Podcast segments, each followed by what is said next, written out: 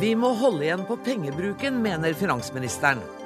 Han er ikke så restriktiv som han gir uttrykk for, kommenterer Høyre i forbindelse med revidert nasjonalbudsjett. Gjennomsnittssvensken har fått sin litterære debut. Vi skal bli kjent med en mann ved navn Ove i dagens sending. Regjeringen fraskriver seg alt ansvar med dagens tiggemelding. Oslos ordfører med skarpt skyts mot justisministeren.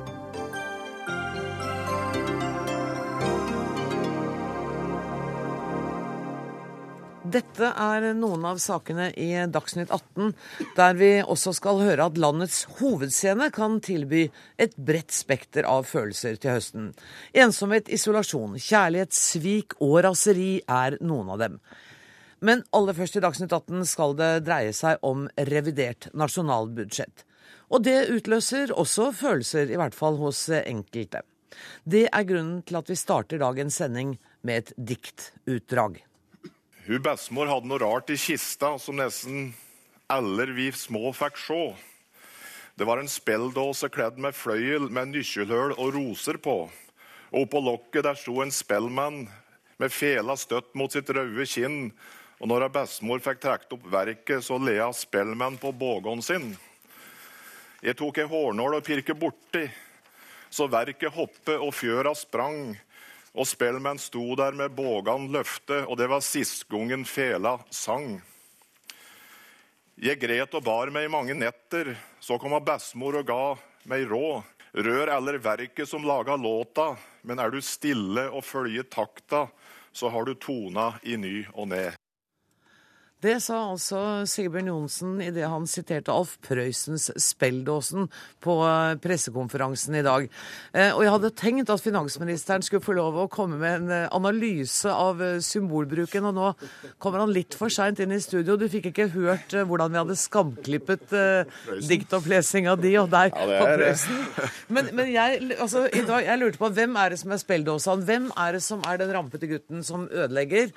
Og hvem er bestemor her? Nei, Diktet til Prøysen handler ellers, det er jo egentlig en, en eh, vise av Prøysen da, som noen har sett melodi til. Det handler jo egentlig om at en skal eh, passe på det som fungerer. Ja. Eh, at vi stiller oss spørsmål hva er det som fungerer i norsk økonomi, og hva er det som gjør at Norge er der vi er i dag. Og Da tenkte jeg litt på handlingsregelen når jeg tenker på det, det inntektspolitiske samarbeidet. Men, men det, symbol, symbolikken er at vi sitter her òg en eh, god, gammel eh, kamerat i Høyre, eh, Jan P. Sysom, at en trenger ikke å reparere det som er i orden. Han skal Nei, passe på det som fungerer. Det var i grunnen det som var hele jeg syns at det, var åpent for mange tolkninger i dag. Og jeg så at du godt kunne vært Hvis Belledosa var liksom vår nasjonaløkonomi, ja, og du var gutten som pirka borti meg i Hårdal, så vet ja, ikke jeg det. det Nei, det var det jeg tenkte. Men så til For du, du, valgte, som du har gjort mange ganger før, å starte med et uh, dikt. Og så åpner du omtrent med å si at det er riktig å holde igjen pengebruken. Og likevel så har det aldri vært brukt så mye penger av uh, oljefondet som nå. Nei, eh, det er jo slik at eh, Handlingsregelen er jo også en regel som gir en økt bruk av oljepenger over tid, fordi at fondet vokser. Men det den gjør, er at den gir jo en forutsigbar og kan du si, kontrollert bruk, der du skiller mellom veldig store og svingende oljeinntekter fra år til år, og så har du en bruk av oljepenger i budsjettet som er frikoblet fra det. Så det er egentlig så lenge fondet vokser, så betyr det jo at du i normalsituasjon kan ha mer til rådighet. Men du tegner jo et bilde av mørke skyer, eh, og at vi må være forsiktige. Og så har utgiftene våre blitt redusert med 4-5 milliarder pga. redusert sykefravær. altså, Hjemme hos meg så hadde vi spart de penga.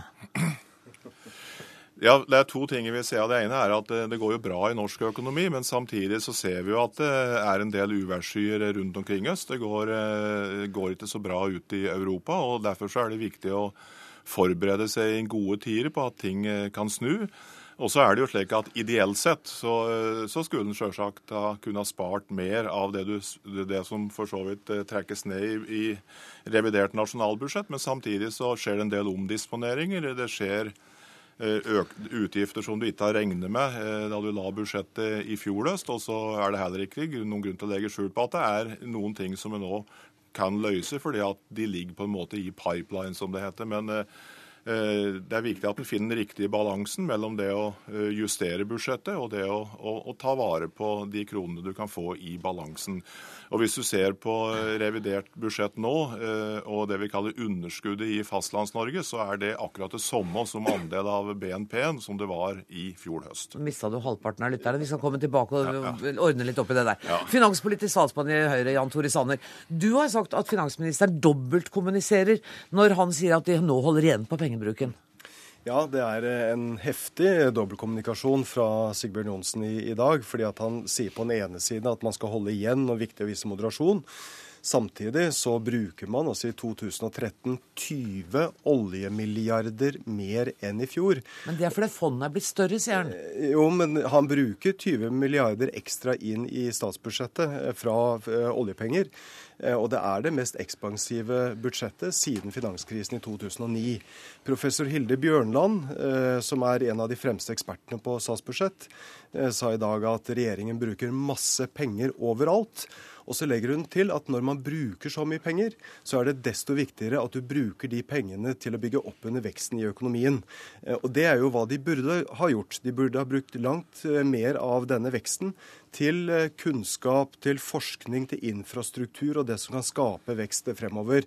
Det er helt nødvendig hvis vi skal trygge, trygge velferden. Men Sigmund Johnsen, du på din side advarte i dag mot at Høyre er på glid i retning av Fremskrittspartiet. Hva bygger du det på? Men Ta det, ta det første først om eh, de 20 milliarder som Jan Tore Sanner eh, prater om. Ja, det er riktig det, eh, men en stor del av det skal dekke automatisk økte utgifter i folketrygden. Eh, og betydelige deler av det andre brukes f.eks. på samferdsel i budsjettet for 2013. Eh, det brukes på utdanning, det brukes på viktige ting som eh, peker framover. Og det som er interessant når jeg ser på bl.a. reaksjoner fra Jan Tore Sanner tidligere i dag, så kommer jo han og sier at vi bruker for lite på lærere, vi bruker for lite på mange andre ting. Så i det så må det jo ligge at Høyre ønsker å bruke mer penger, og i revidert nasjonalbudsjett. Nå, nå, nå må du slutte, Sigbjørn. Med et så stort budsjett så er det mulig å prioritere annerledes. Man må må ikke bruke 10 millioner for at Fylkesmannen skal få flere byråkrater. Man må ikke bruke 10 millioner for tilrettelegging for mer tigging i Oslo. Man må ikke bruke så mye på konsulenter i Vegvesenet og i helsevesenet. Eh, og når man bruker 20 ekstra oljemilliarder inn i norsk økonomi fra i fjor til i år, ja, så er det mulig å få til et løft for, for, for lærere. Men jeg har lyst til å være veldig tydelig, Sigbjørn, når du, begynner, når du på din pressekonferanse i dag eh, begynner å så tvil om Høyres holdning til handlingsregelen handlingsregelen og til bruk av oljepenger. Du vet bedre. Du vet at vi står fast på, på, på handlingsregelen, men vi, vi, har et annet syn på hvordan man skal bruke pengene. Og jeg er langt på vei enig i det Hilde Bjørnland sier i dag, nemlig at når du bruker så mye penger, så må du bruke mer av de pengene til å bygge opp under veksten i økonomien. Ketil Solvik-Olsen er også her, men jeg har bare lyst til å få det svaret fra finansministeren. Jeg husker nemlig hva jeg spurte om, og det var at du advarte mot at Høyre er på glid mot Fremskrittspartiet. Hva legger du i det? Jo, hvis vi, tilbake, hvis, jo, hvis vi går tilbake, og Jeg mener at det er viktig at jeg stiller det spørsmålet. og Jeg har hørt i dag at eh, nærmest syns det er litt desperat at jeg stiller den type spørsmål, men eh, det er faktisk ganske viktig å få svar. Hvis du går tilbake til eh, alternativt statsbudsjett fra Høyre i fjor høst, så sa de at Høyre mener det er riktig av regjeringen å bruke mindre oljepenger enn 4 %-grensen i handlingsregelen. Så har partilederen et intervju i Bergens Tidende 16. mai der han sier at om man øker bruken av oljepenger fra 3,6 til 4,1, så vil det avhenge av hva pengene brukes til om presset i økonomien øker. Og Det blir helst velkommen for så vidt av Solvik-Olsen, som sier at eh, Høyre her viser en fleksibilitet. Så jeg vil gjerne ha svar på hva dette her er. og det er viktig at vi får svar. nei, nei, jeg må få lov til å svare på det. fordi at Hvis eh, Sigbjørn Johnsen hadde hatt uh, tålmodighet til å lese hele innlegget, så ville han også sett at det dette handlet om, det er en beskrivelse av hvordan handlingsregelen fungerer. Nemlig at i gode tider, vel, så bruker man noe mindre. Uh, I dårlige tider så bruker du noe mer. Slik at dette er en beskrivelse av hvordan handlingsregelen har vært praktisert. Men hovedpoenget det er at uh, når vi bruker så mye penger som vi faktisk gjør, så er det viktig at vi satser på kunnskap og forskning på infrastruktur og bedre rammebetingelser for bedriftene. Det er viktig for vekstevnen i økonomien. Ketil Solvik-Olsen, endelig skal du få ordet. For du er jo, det er du enig med Høyre i. at man bruker mer på infrastruktur, mer på utdanning, mer på uh, helse. Mm. Uh, men er du enig i at finansministeren ikke er så restriktiv som han gir uttrykk for? Det er riktig. For det første, Fremskrittspartiet ønsker at vi skal bruke litt mer av oljeformuen til å investere i infrastruktur og andre ting som øker vekstevnen i norsk økonomi. Og Det ønsker vi med at du flytter den type prosjekt ut av statsbudsjettet og tar vekk handlingsregelen. Det er ingen mening i at vi skal være restriktive på investering i ting som øker verdiskapningen i Norge. Så jeg er enig med Høyre i at vi skal ha en restriksjon på hvor mye oljepenger vi bruker til å ha offentlig forbruk. Der mener jeg jeg er uenig i at vi skal ha en restriksjon på hvem vi kan investere når det er lønnsomt. Så blir denne debatten som disse to herrene drar opp, fullstendig kunstig, spesielt fra finansministerens side. Fordi Han later som at de minus 0,7 milliarder kronene som han bruker mindre, det er liksom kjempeansvarlig. Men hvis du går inn i statsbudsjettet og ser, så ser han altså at denne regjeringen gir 2 milliarder kroner mer til investeringer på norsk sokkel. De kommer ikke inn i dette regnestykket. Hvorfor gjør de ikke det?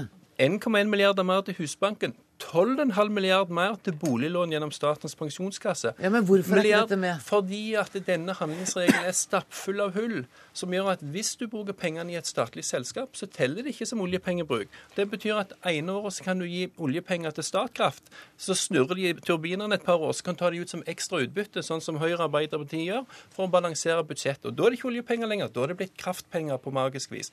Derfor blir denne debatten kjempekunstig. Det er altså over 16-17 milliarder kroner i økte bevilgninger på utsida av statsbudsjettet til statlige selskap. Og Der snakker vi om at 0,7 milliarder kroner er det store, når det har tydd ut penger i alle mulige retninger. Sa du 16-17 milliarder? 16-17 milliarder kroner. Og det, og det som er bekymringsfullt her, det som er bekymringsfullt, er at På søndag så hadde regjeringen en pressekonferanse der de var bekymra for todeling i norsk økonomi. Helt enig.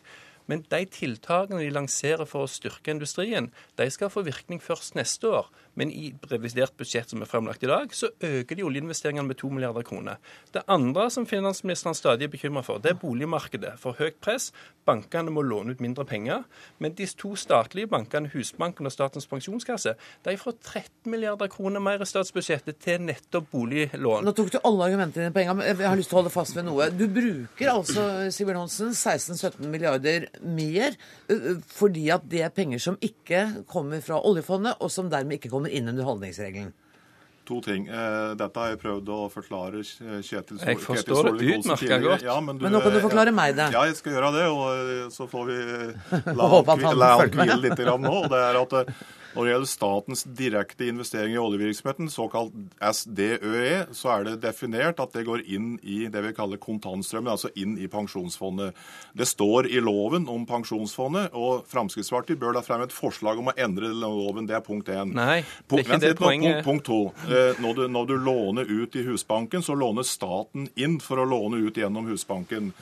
Eh, det er lån, det er ikke forbruk, slik som eh, Ketil Solvik-Olsen sier. Det er lån som blir betalt tilbake. Og i en generasjonssamling så betyr det at det er ikke en utgift som er tapt. Og her tror jeg faktisk at Høyre og Arbeiderpartiet er ganske enige om hvordan dette her ordnes. Men, det, her må det, det være noe som er riktig og noe som er gærent. Jo, men det, er det som jo, men, poenget, poenget er at pengene går ut. De hadde, altså, dette er penger som går inn i norsk økonomi på utsida av handlingsregelen. Det skaper et press i norsk økonomi selv om det er gode investeringer. Og det som blir forskjellen da Du sier altså at det er greit at vi bruker penger på utsida av statsbudsjettet til å låne inn i boligmarkedet. Private banker får ikke lov til det, men statlige banker får lov. Men når Fremskrittspartiet sier at vi vil heller bygge vei for de pengene, det syns jeg er en god investering i et generasjonsperspektiv. Og så vil jeg heller la private banker låne penger til boligbygging. Da er det plutselig bare en utgift for regjeringen. Så det er problemet. Problemet er at regjeringen ser ikke på infrastrukturbygging, forskningsbygning og en del offentlige bygninger som investeringer. Da er det bare utgift. Det forstår jeg, men nå trenger jeg hjelp av, av Sanner til å rydde opp. Altså, har, har finansministeren brukt 16 Ja, ikke sant? Er det, er det sa, har han brukt 16-17 milliarder som vi ikke ser fordi det går utenom eh, Nei, altså, eh, Her kan du si at begge, begge har i og for seg rett. Ah, ja. fordi, at, jo, fordi at eh, det Sigbjørn Johnsen legger vekt på, det er at dette er penger som lånes inn, og så lånes de ut til eh, de som skal bygge, eh, eller som skal kjøpe hus, og så betaler de det tilbake igjen. Men samtidig så er det jo riktig som Ketil Solvik-Olsen sier, at dette er jo også penger som bidrar til å øke presset i norsk økonomi. Eh, når du låner ut mer penger, så har det også virkning i økonomien. Hvem har du lyst til å sitte i regjering med av disse to da? Hvis jeg, begge har litt rett? Ja, jeg, jeg tror at Ketil Solvik-Olsen og jeg skal klare å bli enige. Det har vi faktisk blitt, blitt, blitt før. Men, men poenget blir jo for seg det samme at jo mer penger vi nå bruker, jo viktigere er det at vi bruker dem riktig. Og det er den debatten vi er nødt til å få fremover. Men der er det en uenighet mellom deg og Solvik-Olsen. For Solvik-Olsen mener at uh, finansministeren har vært forsiktig her uh, når det gjelder uttaket av oljefondet. Ja, jo, altså, fin, Finansministeren bruker veldig mye penger inn i de deler av økonomien som allerede koker. Det syns jeg er uheldig. Men der finansministeren ikke bruker nok penger, det er på investeringer i infrastruktur og det er på rammebetingelsene for industrien. Der skal plutselig ting komme langt i framtida. SSB la fram en rapport for to uker siden som sa at norsk økonomi tåler, hvis du bruker penger på infrastruktur, 45 milliarder kroner mer der har regjeringen sitt handlingsrom som de ikke bruker. Nå må finansministeren få lov å svare. Bare, bare, veldig kort. Ja. Eh, fordi at uh, Dette hadde vi også en lang diskusjon om i Stortinget for to uker siden, om såkalte perspektivmeldingen. Uh, og det er, det, er, det er, riktig observert at, at, Fremskrittspartiet ønsker å bruke noe mer penger enn de andre borgerlige partiene. Men samtidig så er vi enige på et veldig viktig punkt, og det er hvordan pengene skal prioriteres. Uh, og når vi er kommet så langt, så skal vi også kunne klare å bli enige om den siste biten. Finansminister. Eh, det som er viktig her, tror jeg er at eh, jeg har bedt om en avklaring mellom de to på handlingsregelen. Den har jeg for så vidt ikke fått. Eh, og jeg tror, er, jeg tror, det er, viktig at Jan Tore Sanner i hvert fall nå på slutten sier en ting. Er det riktig at Høyre er på glid mot Fremskrittspartiet når det gjelder handlingsregelen? Det er punkt én. Punkt to, så er det en helt ærlig debatt å diskutere hva en skal bruke penger på innenfor et budsjett på over 1000 milliarder kroner. Og Det er en stor sum, og jeg mener at vi som politikere har en oppgave faktisk i å prioritere hva vi vil bruke innenfor budsjettet, uten å gjøre som Fremskrittspartiet og ønske mye penger utafor. som for så vidt Først, først må Jan Tore Sanner få svare på spørsmålet fra finansministeren. Han har stilt det to ja, da, ganger. Og hvis vi, jo, og hvis vi spoler nøyaktig ti minutter tilbake, så ga jeg følgende svar. At Høyre står fast på handlingsregelen. Vi er opptatt av å begrense bruken av oljepenger. Og Det er to viktige grunner til det. Det ene er at eh, oljepengene skal skape trygghet for pensjon, både for dagens pensjonister og morgendagens pensjonister. Det andre er at vi må sørge for at vi ikke bruker så mye penger at du legger økt press på rente, kronekurs og konkurranseutsatte arbeidsplasser. Men nettopp når vi bruker så mye penger, så må vi sørge for å bruke dem riktig. Og der har Sigbjørn Johnsen og den rød-grønne regjeringen brutt handlingsregelen. slik at at, eh, at, eh, jeg ville kanskje hatt en litt lavere sigarføring. Men, men dere, kan jeg bare spørre noe helt ærlig. Hvor mye betyr dette reviderte nasjonalbudsjettet for oss vanlige gjennomsnittsnordmenn? Hvor mye kommer det til å forandre livet mitt? Jeg tror ikke det kommer til å forandre Nei. ditt liv eh, veldig mye. Men, men, men, det er klart det ligger mange hyggelige be bevilgninger i budsjettet. Det ligger noe ekstra penger til Prøysen-huset, og det ligger på, på andre, andre, områder. Jeg hadde ønsket at vi fikk et skikkelig kompetanseløft for, for lærerne. Der har regjeringen sviktet eh, gjennom, gjennom, fire år. Og jeg vil også løfte rus og psykiatri. Der har også regjeringen sviktet. Vi må få en debatt om hvordan vi bruker pengene. Og og, og slett. Det er jo det som er poenget, at her har vi en mulighet til å faktisk påvirke påvirke livet til vanlige folk med å kutte i sykehuskøer, med å kutte i kø inn ut av byene. Vi har et økonomisk handlingsrom i Norge som er helt unikt. fordi at du spurte hvis du hadde litt mer overskudd i husholdningen din, ville ikke du spart de pengene? Hvis du er en husholdning som allerede har spart 4300 milliarder kroner i utlandet, men samtidig ser at vedlikeholdsetterslepet på offentlige oppgaver er på 800 milliarder, ville ikke du heller vedlikeholdt litt mer av det du hadde hvis du fikk økte inntekter? Det er Fremskrittspartiets nærming. Disse to herrene snakker hele veien at nei, da må vi heller investere investere mer i konkurrentlandet vårt, og det er der skillelinjen går. Jeg gleder meg til vi møtes. Det er bare større byrde på framtidige generasjoner, og det er grunnen Fremskrittspartiet Så her er heldigvis Høyre enige med meg. og det er Neste gang vi treffes, skal vi snakke enda mer om min privatøkonomi. Tusen takk for at dere kom. Sigbjørn Johnsen, Jan Tore Sanner og Ketil Solvik-Olsen. Og inn i studio kommer kollega Magnus eh, Takvam. Politisk kommentator her i NRK. Regjeringen bruker altså rekordmange oljepenger, samtidig som finansministeren sier at det er riktig å holde igjen på denne pengebruken. Eh, det henger jo ikke på greip, dette her. Ja, Det er jo noe av det dere var inne på. Altså Denne handlingsregelen som eh, ble vedtatt i sin tid, var jo en regel ikke for å bruke mindre oljepenger, men for å bruke mer oljepenger. Men fase inn eh, den økte eh, veksten som oljefondet ville få, gradvis. Eh, så denne regelen var en regel for å øke Øke. oljepengebruken.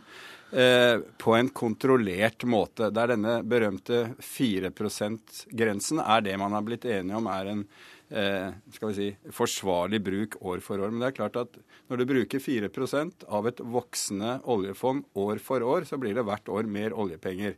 Men så har man da definert 4% som en ansvarlig grense, og det å gå under den, den grensen, 3,3% som tilfellet er i dette budsjettet, er da såkalt ansvarlig. Men alle vet at mange økonomer, til og med sentralbanksjefen i talen sin i fjor, mente at man burde justere ned 4 %-regelen til 3% Og SSB-sjefen vil det samme. Det er mange som mener at denne, denne, selv denne bruken av oljepenger i det lange løp er for ekspansiv. Men På pressekonferansen i dag så brukte jo finansministeren nesten krigsretorikk for å beskrive hvordan vi skal forberede oss på dårlige tider. Hvordan, hva er grunnen til at han bruker så dystre Han snakker om krigen som kommer og ja, Den ene biten av det er jo å at Arbeiderpartiet vil ha skal vi si, en fortelling om at eh, norsk økonomi eh, går riktignok bra nå, men eh, det er ikke for evig. Det er eh, utsikter til nedgang. Det er eh, truende eh, skyer i Europa. prisene på våre eksportprodukter går ned. Arbeiderpartiet sitter i regjering og er, har en trygg og, og god eh, finanspolitikk, mens motparten, som dere hørte eksempel på her, jo ikke greier å avklare seg imellom om hvordan denne økonomiske politikken eventuelt skal bli. Sånn at det er politikken eh, i det. Men, men, har finansministeren rett, tror du, når han sier at eh, Erna Solberg og Høyre er i ferd med å forlate handlingsregelen?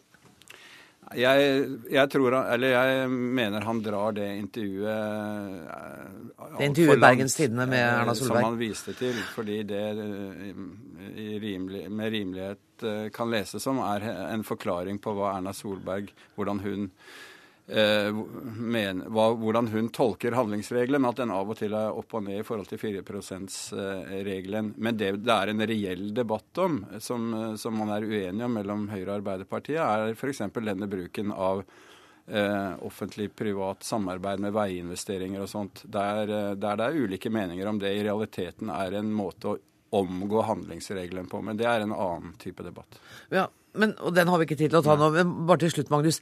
Hvis det hadde vært tre år igjen til valget, ville dette reviderte nasjonalbudsjettet sett likedan ut? Nei, Jeg tror det hadde vært eh, litt mindre bevilgninger til en del ting som ellers ville kommet i statsbudsjettet. Eh, for det er en revisjon er på en måte å justere bevilgningene der hvor man har hatt feil anslag, eh, og øke de opp eller litt ned. Ja. Så noe av dette ville nok eh, kommet eh, senere. Og, eh, men det, det viktige politiske her er den retorikken vi hørte. Og den kommer vi til å høre mye mer av fram mot valget. Vi gjør nok det. Tusen takk for at du kom, politisk kommentator i NRK, Magnus Takam. Hør Dagsnytt 18 når du vil, på nettradio eller som podkast. nrk.no – dagsnytt 18.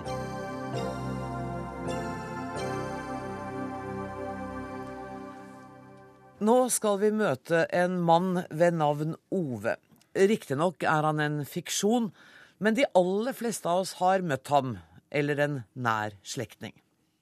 Klokka var fem på seks om morgenen da Ove og katten møttes for første gang. Katten mislikte umiddelbart Ove på det sterkeste. Følelsen var i høyeste grad gjensidig. Ove hadde som vanlig stått opp for ti minutter siden. Han forsto seg ikke på folk som forsov seg og skyldte på at vekkerklokka ringte ikke. Ove hadde aldri eid en vekkerklokke i hele sitt liv. Han våknet kvart på seks, og da sto han opp.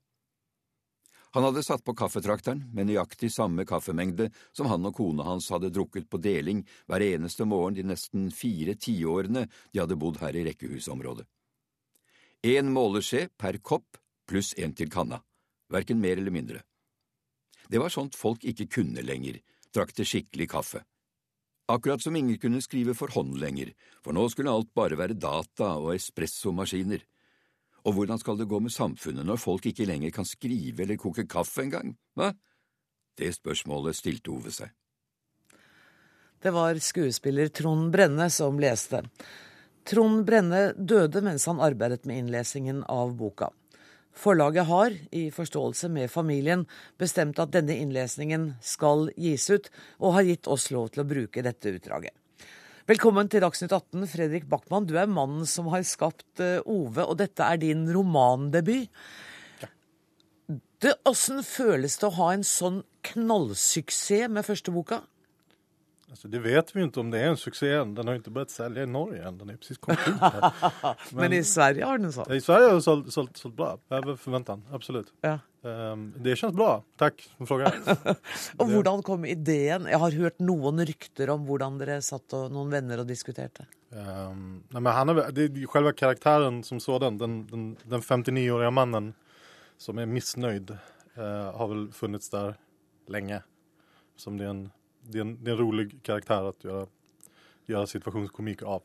Um, men, men sen föddes han väl på min blogg och, och på en, en god vän som heter Jonas Krambys blogg. Och vi, vi, han, han, han, han blev Ove, liksom. den, den 59-åriga missnöjda mannen. Han blev män som heter Ove och de är missnöjda. Och de, de, de tycker inte riktigt om vad samhället är på väg någonstans. Och han har mange utrolig irriterende egenskaper. Tycker du ja. Ja. Som eksempel at han går i eh, borettslaget og passer på at syklene står der de skal. ja. Men noen måtte gjøre det. For annars så skulle det stå sykler overalt. Man kan ikke holde på så. Noen måtte holde koll. Noen måtte ta på seg det ansvaret og, og kolla så at folk gjør hva de bestemmer seg for å gjøre. Har man bestemt at sykler skal stå der, så skal sykler stå der. Bor du i et borettslag? Det gör jag. Jag, jag, jag satt i styrelsen faktiskt ett tag. Men min fru tyckte att det var en bra idé att jag skulle sluta göra det. Hon, hon tyckte att jag började lägga mig i saker som jag inte skulle lägga mig i. Du var, ja, du, du var ikke utsatt for et statskupp for det? Oppfattet Nei, du det Ove var da han inte. ble Jag, sparket? jag avgick högst frivilligt på innrådene fra min fru. Men, uh, men jeg, uh, eh, jeg jag fick mycket skäll Jeg, Jag, jag råkade ställa mig på fel parkeringsplats i garaget og det skapte usemje i hele foreningen etter et tag.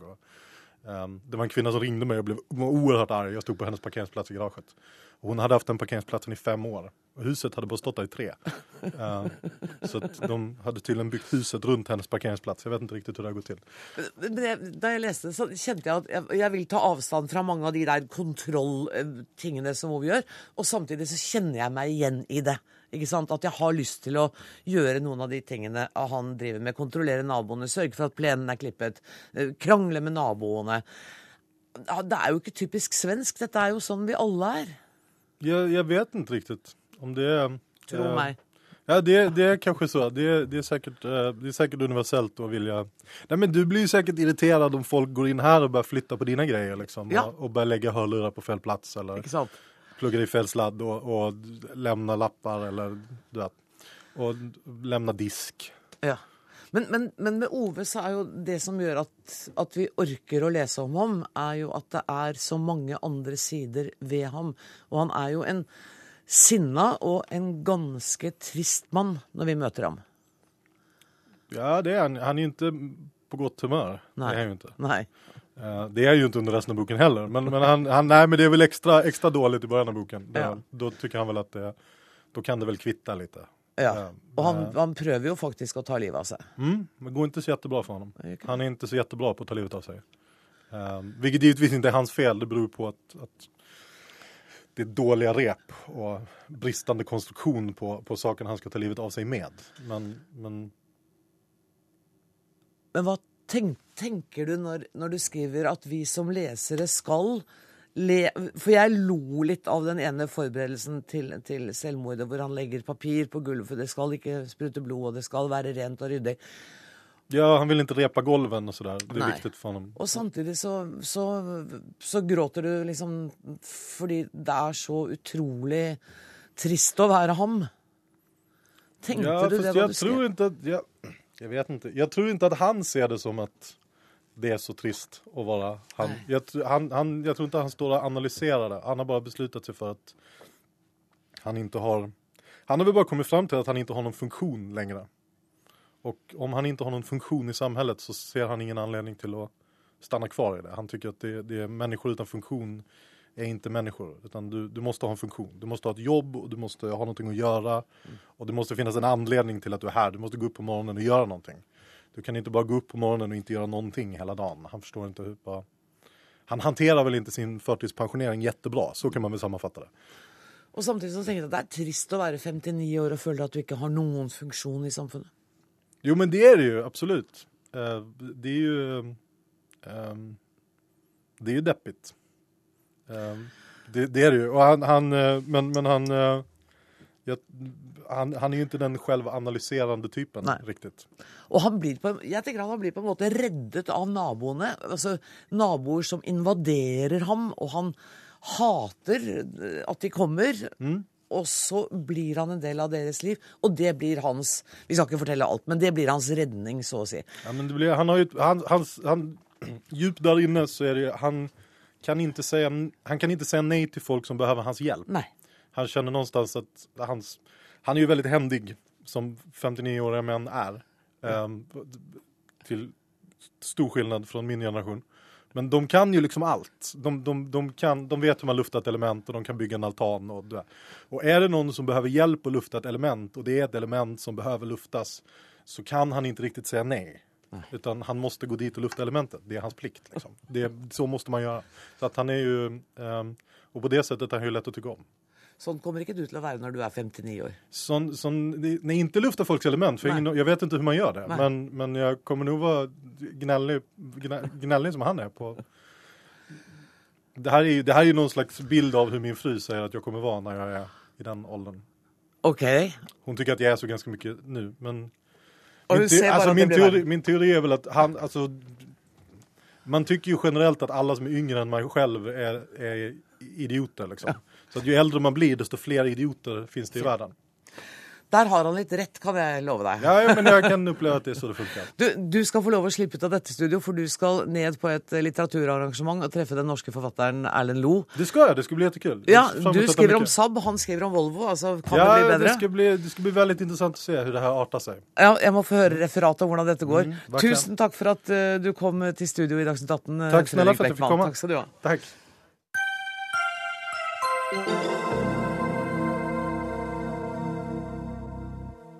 La politiet og kommunene regulere tigging. Det var en av oppfordringene fra justis- og beredskapsminister Grete Faremo da hun la fram sin tiltakspakke mot tigging i dag.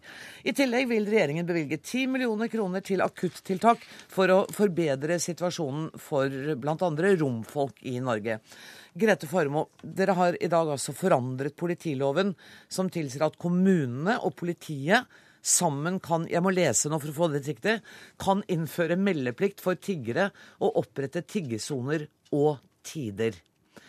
Når dere legger dette ansvaret til kommunene, som igjen kan da få politiet til å iverksette det, så ser det fort ut som dere skyver dette store dilemmaet fra dere. Nei, vi gjør ikke det. Vi ønsker et tett samarbeid mellom politiet og kommunale myndigheter nettopp for å målrette tiltakene. Vi ønsker jo ikke tigging i Norge. Og så er det slik at vi ikke kan forby fattigdom. Og da må vi forholde oss til det og gjøre det med disse praktiske tiltakene. På hvilken måte vil dette bedre situasjonen?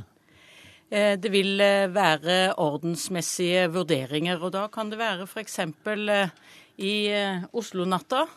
eh, Ordensmessige sterke nok utfordringer allerede når f.eks. folk kommer ut av restaurantene, og at eh, det da skal være samtidig mange tiggere eh, i eh, sentrale områder av Oslo, kan være riktig å forby. Det kan også være hva, hva, hva er det ved den natta som vil bli bedre ved at dere forbyr folk å tigge om natta?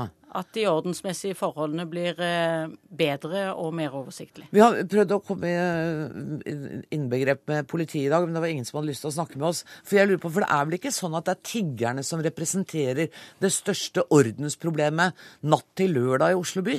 Det er bl.a. en av de grunnene som gjør eh, at vi ikke foreslår et generelt nasjonalt eh, tiggerforbud, men hvor vi altså åpner opp for å gjøre flere tiltak eh, enn det vi har i dag. Og Men da er åpne, Du sa jo nettopp, du brukte som eksempel, unnskyld statsråd, du brukte som eksempel at det var ordensforstyrrelser om natta i Oslo.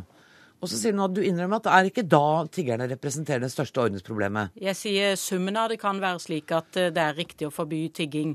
Og det kan også være områder rundt barnehager eller skoler som eh, gjør det riktig å forby tigging. Eh, ordfører Fabian Stang, hjelp meg ut her. Eh, er dette måten å gjøre det på, syns du? For det første så, så, sier du, programleder, at man i dag har forandret politiloven. Det har man ikke gjort. Det ja, Man har gitt kommunen en hjemmel? Nei, man har ikke det. Man har oh, lagt frem en proposisjon ja. som så må vedtas i Stortinget, som det så må komme forskrifter til. Så må kommunene, de 430 kommunene vedta politivedtekter som de så må sende til Politidirektoratet og søke om å få lov til å gjennomføre. Og Det betyr at denne sommeren er denne bestemmelsen null verdt. Det er jeg uenig enig i, og det er først og fremst Oslo vi er opptatt av at skal eh, komme raskt eh, fram med sine forslag. For vi har jo samtalet med byrådet i Oslo faktisk gjennom de siste året med sikte på å være ute med eh, praktiske tiltak før sommeren. Men har ikke, har ikke ordføreren rett i saksbehandlingsgangen av dette? Det må behandles i Stortinget? Selvsagt skal lovforslaget behandles i Stortinget, men vi vil eh, legge til rette for at vi kan eh, anvende dette regelverket i eh, løpet av nå sommeren, og vil derfor selvsagt også praktisk legge til rette for men, men det, er, det er en detalj, da, men det er, det er helt umulig. fordi at Kommer det til oss med en hjemmel, så må byrådet behandle det. Skal det komme til komité, skal det til bystyret, skal det til Politidirektoratet. Så dette er, dette er håpløst. Men jeg tror jeg vil begynne i en annen ende.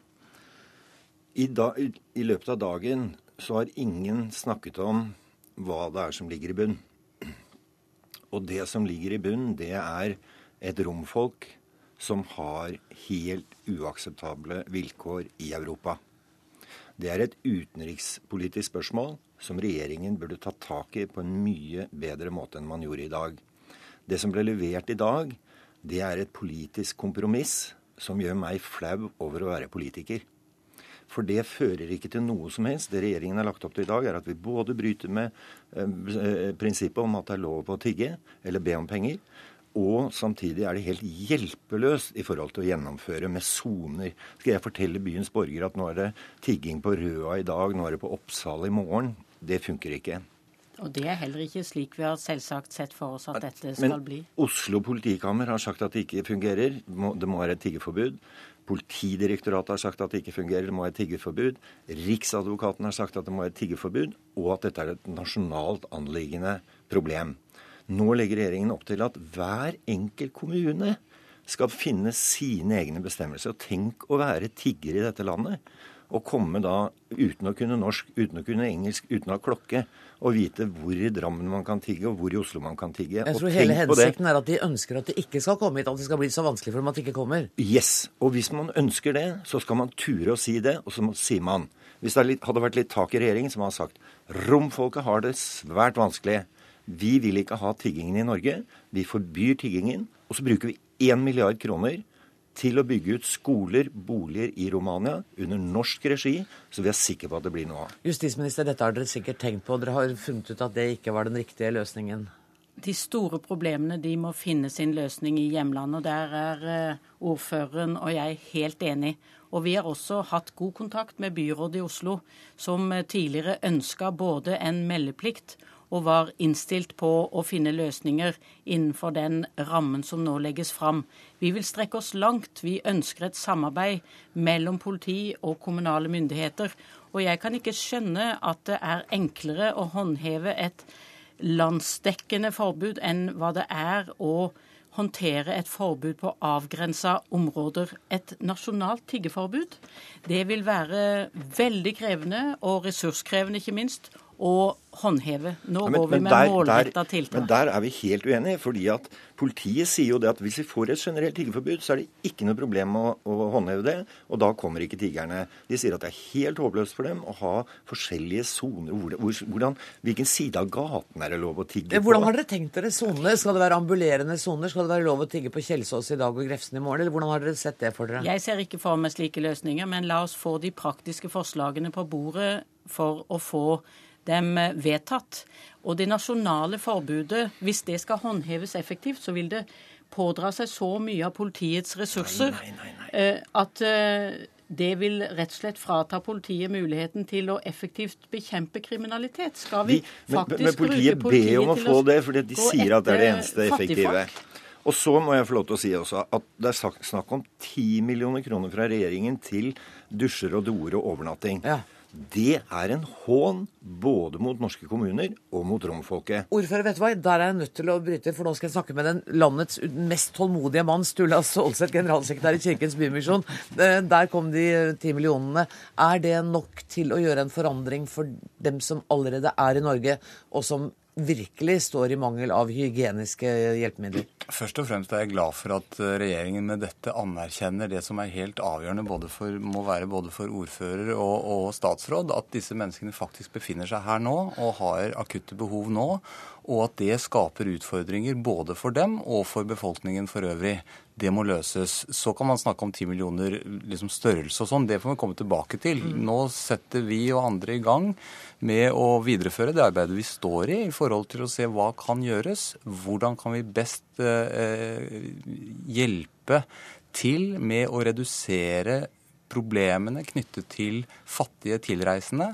Eh, for dem, altså redusere problemene for dem. Jeg for så en Dagsrevy-reportasje mm. som var utrolig sterk om folk som bor under Sinsenkrysset, og det var mennesker på 75 år. Ja, og er, vi kan ikke være kjent med at vårt land skal være slik at vi på en måte, når vi ser slik, slike ting, bare skal lukke øynene og si at vi eller skal hjelpe oss ut med et forbud. Forbudet vil jo heller ikke hjelpe denne sommeren, eh, ordfører. Eh, og det, vil, det er ren spekulasjon å si at et forbud vil føre til at at de ikke lenger kommer. Det er så mange andre ting som eh, flaskepanting, som roseselging, trekkspilling. Vi vet jo dette. Forskjellen på levestandarden hos dem og hos oss er så stor at vi er nødt for å bare se i øynene at bitte små smuler fra våre bord er nok for dem til å brødfø seg på og sovne med et smil om, om Men er du da enig i regjeringens tiltak som gir altså eh, sonevise tiggeforbud? Vi er skeptiske til det. Nå er det jo slik at ting reguleres i en by. Hva som er lov til ett sted, er det ikke lov til et annet sted til tider og sånn. Det kan ikke prinsipielt være problematisk.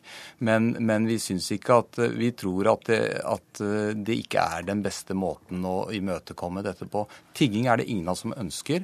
Tigging er en nødutvei, for, særlig for den, den det gjelder. Mm. Og dette gjelder Eh, folk med rusavhengighet, det gjelder folk med mentale eh, problemer, med fattigdom, tilreisende og eh, nasjonale. Og det er jo også grunnleggende paradoks i vårt samfunn at man skal forby en sånn enkel ytring og desperat ytring som å be sitt medmenneske om hjelp. Det burde ikke et tverrpolitisk øh, flertall gå inn for i Norge, syns jeg. Det handler om ytringsfrihet. Det er jo riktig øh, det som Stålsett sier her, at det tiltaket dere kom med i dag, det gjelder jo alle. Det gjelder jo ikke bare romfolk, det gjelder all tigging. Det er riktig. Men dette er humanitære tiltak, øh, akutte tiltak nå. Og det vil vel i alt vesentlig likevel være konsentrert rundt slike tiltak. Hva, hva mente du nå? Eh, tiltak eh, for eh, å sikre tilreisende Det vil være tiggere. mest retta mot dem? Sånn at norske tiggere vil fortsatt kunne tigge også i Oslo? Dette vil være akuttiltak som enten kommunen eller i samarbeid med frivillige organisasjoner står for. Ja, altså, Sånn at kommunen Fabian Stang kan si det er tillatt for norske å tigge, men det er ikke tillatt for romfolk å tigge? Er det sånn?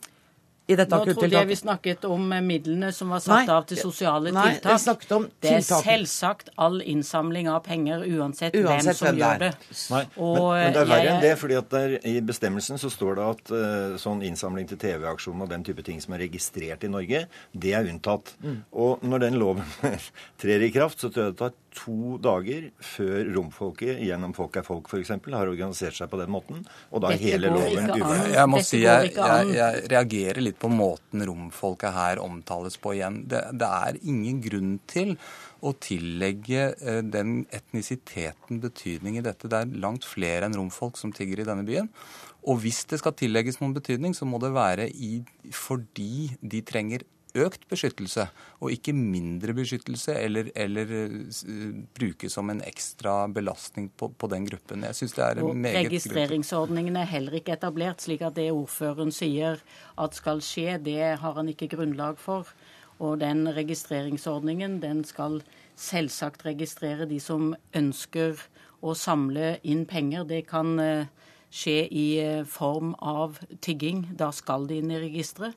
Men eh, vi har også eh, behov for at retningslinjene gjør enkelt en del av de innsamlingene som pågår i dag. Det kan være barn som samler inn til Røde Kors, eller ja, ja. andre organisasjoner. Så vi må se på hvordan rutinene kan bli enkle. Men justisminister, helt ærlig, du, dere sier jo i pressemeldingen i dag at, at vi skal forby tigging. Fattigdom kan vi ikke forby.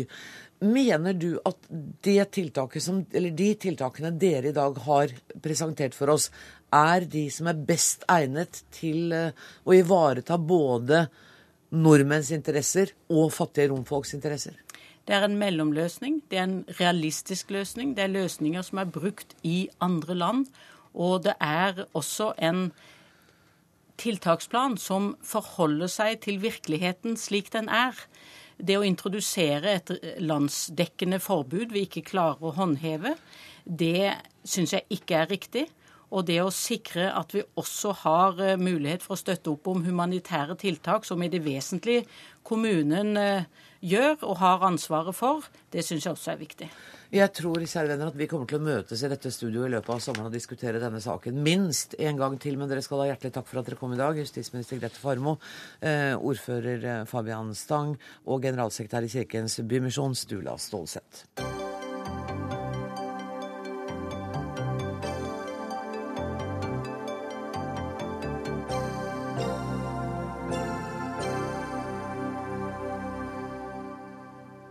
I dag fikk bøndene tilbud om om lag halvparten av de nesten to milliardene de har krevd i årets jordbruksoppgjør. Regjeringen mener at bøndenes lønnsvekst blir god nok med en økning på 1 milliard kroner. Det tilsvarer om lag 25 000 kroner per årsverk over to år. Leif Forskjell, forhandlingsleder på vegne av staten, hva ligger til grunn for det tilbudet dere har lagt fram for bøndene i dag? Ja, dette er jo en eh, næringsavtale for en eh, stor gruppe av private næringsdrivende, og der vi først eh, dekker kostnaden og kostnadsøkningen for denne gruppen. Og så har da staten i dag tilbudt jordbruket en inntektsøkning utover det på 25 000 kroner per årsverk i 2014. Ja. Tilbudet er historisk høyt? Eh, vi bruker ikke begrepet eh, historisk. Nei, det har aldri vært så høyt. Men vi bruker i hvert fall eh, Vi slår i hvert fall fast at det er et godt og solid tilbud. Det representerer jo en inntektsvekst på 8,5% fra det grunnlaget vi beregner ut fra. I fjor så valgte organisasjonen å ikke gå inn i forhandlinger, og det var første gang på tolv år. Um, ser du på det som en realistisk løsning i år også, at det ikke blir forhandlinger?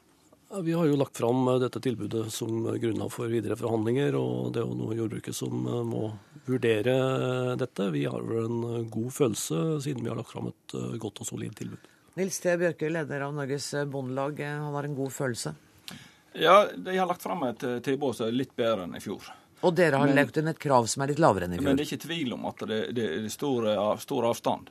Og spesielt på budsjettmidler så er det mye å gå på. Det dette egentlig handler om, er jo om norske bønder skal være i stand til å øke norsk matproduksjon, som Stortinget og regjeringa har bedt om. Så vi må gå nøye inn i disse, dette dokumentet og tilbud og se om vi ser at det er muligheter for forhandlinger her. Ja, så jeg, jeg hører du er ikke helt avvisende nå? Nei, vi skal eh, ta dette på alvor. Vi skal gå skikkelig inn i dokumentet og se på det. Og så må vi vurdere om dette er grunnlag for forhandlinger eller ikke. Ja, for det er et skritt i tilnærmingen til det, til det alminnelige lønnsnivået, ikke sant? Ja, de skal ha ros for at de faktisk har, har tatt i litt nå. Men det er ikke nok hvis en skal løfte norsk matproduksjon. Og det er jo det dette dreier seg om. Skal bøndene få nok tid til å produsere mat og bruke tid på det, sånn at vi får økt matproduksjon. Men det blir økt pris på melk og kjøtt, storfekjøtt og på korn og De legger jo inn det. Fire øre økning i melkeprisen, f.eks. Ja, 19 øre på melk. Ja. Men, men det er klart at skal bonden ta å få dekka kostnadsveksten og få lufta seg, så må han ha tida ved bonde og ikke ut i annet arbeid for å hente inntekt. Det er det som er utfordringen i dag. Stadig flere må bruke mer tid vekk fra gården og få mindre tid til å produsere mat. Anne Merete Furuberg, du er leder av Bonde- og småbrukarlaget. Er du fornøyd med tilbudet, eller er du på linje med Bondelaget her? Det er jo slik at vi hadde store forventninger til statens tilbud i år. Hvorfor det? Og uh, Av flere grunner. Uh, det desidert første. I fjor så ble landbruks- og matmeldingen eh, vedtatt og et bredt flertall på Stortinget, der det da ble sagt at her må en øke matproduksjonen i Norge i takt med befolkningsøkningen. Og inntekt en, skulle være en viktig del av det. Og da hadde jeg forventet mer i utgangspunktet. Men som jordbrukets forhandlingsleder sier, så må vi jo vurdere det som vi har fått. Og slik jeg vurderer det, så er det for lite det som har kommet. Det har kommet mer. Det må komme mer. Det er svakt på distrikt og struktur, og det er svakt på velferd, og det er ingenting på rekruttering. Det må komme mer både på pris og mye mer på budsjett. Det høres ut som du nå er mer kritisk enn en Bondelaget er, selv om du sier at du skal gå inn i det og se på det. Så sier du det må komme mye mer. Og da må jeg spørre deg, Forskjell. Eh, hva er mandatet ditt? Eh, kan jeg, kan jeg spørre hvor høyt kan du gå? Har du en milliard til? Mandatet er å legge fram et eh, godt og solid tilbud, sånn som vi har gjort det i dag. Og så um, har vi da lagt dette fram for jordbruket og invitert de inn i, i forhandlinger. Men dette så, kan jo ikke være sluttsummen, det må jo være et slingringsmonn her? Sånn, sånn er det jo i alle forhandlinger, at ja. uh, det er et grunnlag for å forhandle videre. Vet du hvor taket er? Uh, det har vi jo en formening om når vi går i forhandlinger. Det har vi, har vi alltid. Men det har ikke du Men, lyst til å fortelle meg? Uh, ikke riktig på direkte nå. Mulig jeg kan hviske til deg en gang hvis vi treffes, men kanskje, kanskje, ikke. Jeg er ferdig klokka sju. Men, men, det som er mer vesentlig å si, er at det er riktignok sånn at man kan ikke uten videre sammenligne dette med et lønnsoppgjør for lønnstagere. Men like fullt så gir jo da 25 000 kroner per årsverk og 8,5% en ganske god indikasjon for alle til å bedømme at dette er et godt tilbud. Men det er jo særlig velferden som eh, det pekes på her? Ja, men det uh, viktigste velferdspolitiske tiltaket også er jo, er inntekt uh, og en positiv inntektsutvikling. og Det legger vi til rette for. Og vi har naturligvis også økt en hel del tiltak når det gjelder velferd, uten at jeg kan gå i detalj på det nå. Bjørke? Men der, det, det er lett å snakke prosent. Den ligger så lågt i utgangspunktet. En gjennomsnittlig melkebonde i dag han har litt over 300 000 i årsinntekt. Han skal arbeide sju dager i uka. Han har uh, vakt hele tida. Og det er klart, Skal en få ungdommen inn og fortsette med den type produksjon, så må det et luft til. Det er det som er utfordringen vår. Regjering og storting har bedt oss øke matproduksjonen, og da må vi være tydelige på hva som skal til for å klare å gjøre den oppgaven vi er bedt om. Og så skal vi vel snu utviklingen med reduksjon, altså reduksjon i antall gårdsbruk. Ja, det viktigste er å ha mange nok bønder i arbeid, slik at en utnytter alt areal. I dag så ser en at å areal går ut av drift, og en klarer ikke å løfte matproduksjonen sånn som vi er bedt om. og Da må vi gi tydelig beskjed. Mm, Furuberg, er dere helt på linje i alle spørsmål når det gjelder kravene til dette jordbruksoppgjøret? Vi har jo levert uh, felles krav, og det felleskravet står vi jo på. Men uh, jeg vil kommentere det som uh, statens forhandlingsleder sier veldig ofte. At en ikke kan direkte sammenligne lønn og inntekt for bonden. Mm. Nå er det jo slik at budsjettnemnda og andre legger fram, flere andre instanser og legger fram tall, ulike tall som viser inntektsnivået for årsverk årsverk gjennomsnitt for den norske bonden. Ja. Og det er lett å kunne sammenligne da det med andre grupper, f.eks. inntekten til deg som journalist. Ja. Så er det i underkant av 200 000 kroner eh, årsverk og per år som lønn. Og hvem vil eh, si til sine unger at de skal inn i et eh, yrke som er så viktig som å produsere mat, men så kommer du til å tjene ca. 200 000 mindre det eh, er jeg sikker på at veldig få vil. Mm. Og det med at det òg var manglende rekrutteringssatsing, det, det, ser vi som svakt. Du hører at det er dette som er bekymringen her? Det er rekruttering av ungdommen? Å få dem til å gå inn i et lavtlønnsyrke på denne måten? Ja, det er en, en, viktig bekymring. Jeg står fast på at man kan ikke bruke statistikk for uh, privat næringsdrivende og for lønnstakere på denne måten, men, men, la meg gjøre et unntak i kveld. da. Og la meg gi Merete Furuberg rett i at vi vi sammenligner, da. Og da, da, er jo inntektsøkningen som vi har tilbudt i dag, 25 000 kroner per årsverk. Og øvrige grupper som har vært i forhandlinger i år, og som er i forhandlinger, vil forstå at det er en betydelig økning. Mm, men, men, forhandlingene kan vi ikke ta. Vi er nødt til å avrunde. Men kan jeg bare spørre, når, når, skal dette være avklart og i orden? Vi tar sikte på at det skal være avklart i 15.-16. mai, vil jeg tenke meg. Ja, og Siden jeg driver og inviterer folk tilbake i dag, skal vi invitere dere også tilbake når dere, har, når dere er i mål. Så får vi se hvordan stemningen er da. Tusen takk for at dere kom, Leif Forskjell, Nils T. Bjørke og Ann Merete Furuberg.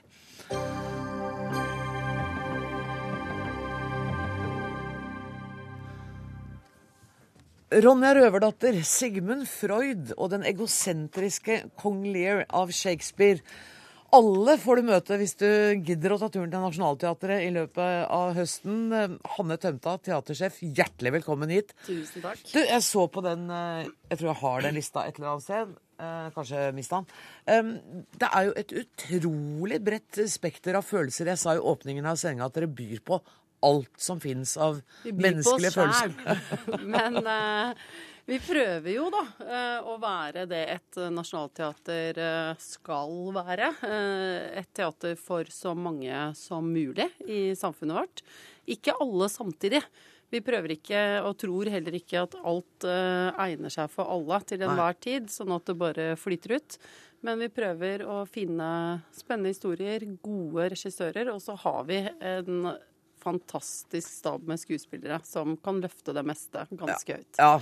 Um, kan vi ikke bare begynne med det helt opplagte, nemlig at Sverre Anker Austad skal ha Mm. sin eh, avskjedsforestilling som uh, Ja, Det kom litt brått på meg at han uh, hadde tenkt å slutte. Og Ja, ikke han sa det i Dagsrevyen. Ja, der, altså, jeg satt og så på TV og var ikke helt klar over at det var det han hadde tenkt til. Han blir ikke 70 før til neste år. Nei, nettopp. Men han er jo en rev, så jeg tror at han satser på at den forestillingen kommer til å gå så lenge. Og der heier jeg på Sverre. Ja, det er jeg helt enig i. Og så er det altså Kafka. Forvandlingen. Forvandlingen. Ja. Um, Lulu, Pandoras eske, en monstertragedie. Ja, jeg tror at uh, altså, Vedekins stykke 'Lulu' er jo um, ja, på mange måter sett på som en sånn eh, en teatertekst som unge kvinnelige skuespillere ofte kan debutere i, eller kanskje liksom ende opp med å bli eh, berømte nettopp i den rolletolkningen, som en Hamlet kan være for mannlige skuespillere. Eh, og monstertragedie Jeg tror at eh, mange tenker at Lulu er en sånn Lolita-historie. Ja, det ligner jo litt. Skal ikke snakke om en viss ordfører et annet sted oppe i bygda, men allikevel så er nok Lulu litt hvassere enn en Lolita, og derfor så har det undertittelen 'Monstertragedie'. Er det sånn eh, Dette er utrolig naivt, men jeg spør jo fordi jeg ikke veit. Er det sånn at du setter deg ned og tenker dette er det jeg har lyst til at Nationaltheatret skal få vist fram i høst? Eller denne høsten? Ja, ja, altså ja. Svaret på det er ja. Men så er det jo også sånn at eh, Si at vi bruker i hvert fall ett år på å planlegge et år. Eh, og da er det en eh, Altså utgangspunktet vårt er skuespillerne våre. Og så er det ideene vi har, eller andre har, og de er, må jeg ærlig innrømme, gode og dårlige.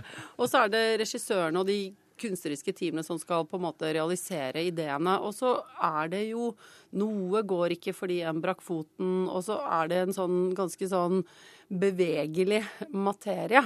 Eh, og så forsøker vi da å, å skape eh, formfullendte sesonger. Men jeg setter meg ikke ned sånn 21. august eh, og tenker våren 15, åssen ser den ut? Altså det, jeg, men allikevel så er det det jeg ender opp med å tenke har jeg en vår her nå, eller er jeg noe jeg må ordne med? Og så har du ikke nevnt det bitte lille poenget med penger. Nei, det er jo direktørens ansvar. Ja, så det bør ikke du bry deg om. Du hender at du når, du har, når prøveperioden er i gang med en ny forestilling, og du er nede og følger med, hender det at du har litt lyst til å angre på hele den der administrative jobben din? Har lyst til å Ja. spille? Ja. Nei, jeg ikke- Ja, ja, ja, altså Alle som jobber i teatret, tror jeg nok, om man så står på verkstedene våre på Brobekk og lager dekorasjoner Vi jobber fordi at vi vet at det er på scenen det skjer, i møte med publikum. Og det er det vi på en måte er hva skal jeg si, frelst av, da. Eller det er den liksom Det er det adrenalinet vi eh, sikler på. Og, og, og sånn er det jo for meg som er regissør òg. Du, er det Det er dårlig gjort, men jeg spør, jeg har 20 sekunder igjen. Hvis jeg skal se én forestilling denne sesongen, da? Ja, det er skikkelig dårlig gjort. Nei, hvis du skal se én, så se Sverre Anker Austdal gjøre Kong Lear. Ja, Og, og den får jeg jo god tid til å se, for den skal jo gå i årevis. Den skal gå i årevis. For han er jo i langt fra 70. Du, Hanne Tømta, jeg er nødt til å si eh, takk for denne gangen. Eh, du kommer jo også snart igjen, for det er masse forestillinger vi ikke har snakket om. Eh, og du, fortsatt er du eh, teatersjef på Nationaltheatret. Eh, jeg skal bare si at denne sendinga her er slutt, jeg. Ansvarlig i dag var eh, vaktsjef Siri Storstein Hytten. Det tekniske ansvaret har Karl Johan Rimstad. Jeg heter Anne Grosvold. Vi høres igjen i morgen. Takk for nå.